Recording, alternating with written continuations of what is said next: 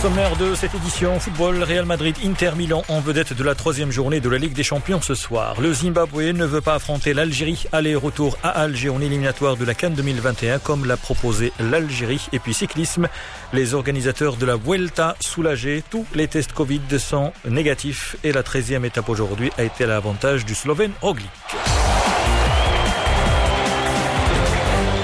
La troisième journée de la Ligue des Champions à la une, certaines équipes doivent réagir. Elles n'ont pas encore gagné à l'image du Real Madrid. Défaite à domicile face à Donetsk lors de la première sortie. Match nul contre Mönchengladbach lors du deuxième match. Ce soir, la formation espagnole se doit de l'emporter pour ne pas se mettre dans une situation compliquée. Le Real affronte l'Inter. La formation italienne privée de sa star vedette, le solide attaquant belge Lukaku blessé. Côté marocain, Ashraf Hakimi, formé au Real Madrid, aujourd'hui à l'Inter, va retrouver ses anciens coéquipiers. Frédéric Hermel, notre consultant pour le football espagnol. Ça va pas être euh, facile, mais j'ai senti Zidane plutôt tranquille, sûr de lui. Et il y a quand même de très bonnes nouvelles qui sont arrivées ce week-end, à commencer par euh, le fait que Zidane ait pu aligner pour la première fois en match officiel la nouvelle BBC qu'on va peut-être appeler la HBA, Hazard, Benzema, Asensio. Et c'est vrai que ça a plutôt bien marché ce week-end et que contre l'Inter, on peut imaginer qu'il va débuter la rencontre. Et sincèrement, Hazard, même s'il n'est pas encore à 100%, c'est 100 000 fois mieux que, que Vinicius qui court dans tous les sens. Tu te sens quand même beaucoup plus sûr quand c'est euh, Eden Hazard qui a la balle. Vinicius, le joueur brésilien qui a été critiqué, mais euh, tout est entré dans l'ordre entre euh, le joueur brésilien et Karim Benzema. L'autre équipe italienne, l'Atalanta Bergame, croise le fer avec Liverpool, le meilleur de la soirée, le meilleur match de la soirée, selon Simone Rovera, notre consultant pour le football italien.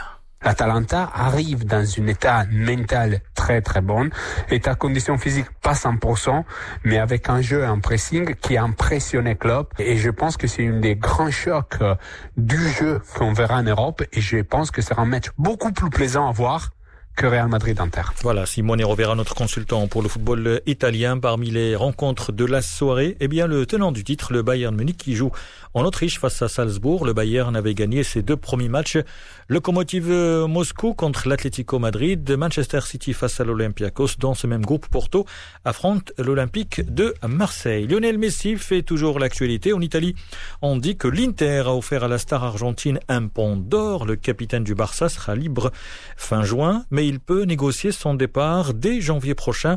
En Angleterre, la presse écrit que Manchester City pourrait proposer un pré-contrat à l'astre argentin en vue de l'été prochain. Messi devrait temporiser en attendant le projet du club catalan. Des élections devraient avoir lieu le mois prochain pour élire un nouveau patron du club après, bien entendu, le départ et la démission la semaine dernière de Bartomeu. L'été dernier, Messi a provoqué un véritable séisme en annonçant son désir de quitter le Barça avant de se rétracter et décider de poursuivre l'aventure avec les Blaugrana.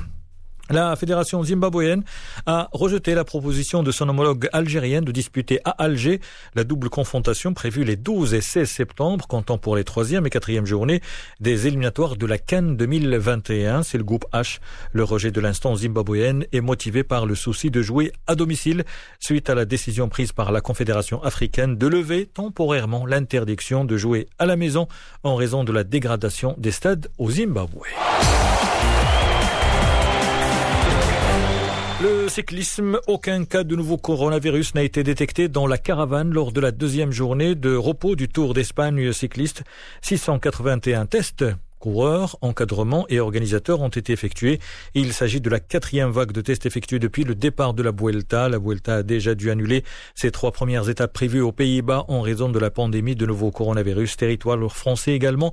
Eh bien, il y avait quelques étapes, mais ça a été décidé à la dernière minute. Le territoire français interdit donc à la Vuelta. Tout s'est déroulé en, Espagne. À propos de la course, eh bien, sachez que le Slovène Primoz Roglic a repris le maillot rouge de leader après sa victoire lors de la 13e étape aujourd'hui. Un contre-la-montre au Mirador de Ensaro dans le nord-ouest. Demain, la 14e étape prévue aux environs 200 km entre Lugo et Orense se disputera sur un parcours vallonné qui comporte trois ascensions. C'est la fin de cette édition. Merci de votre fidélité. Excellent début de soirée à l'écoute de Média.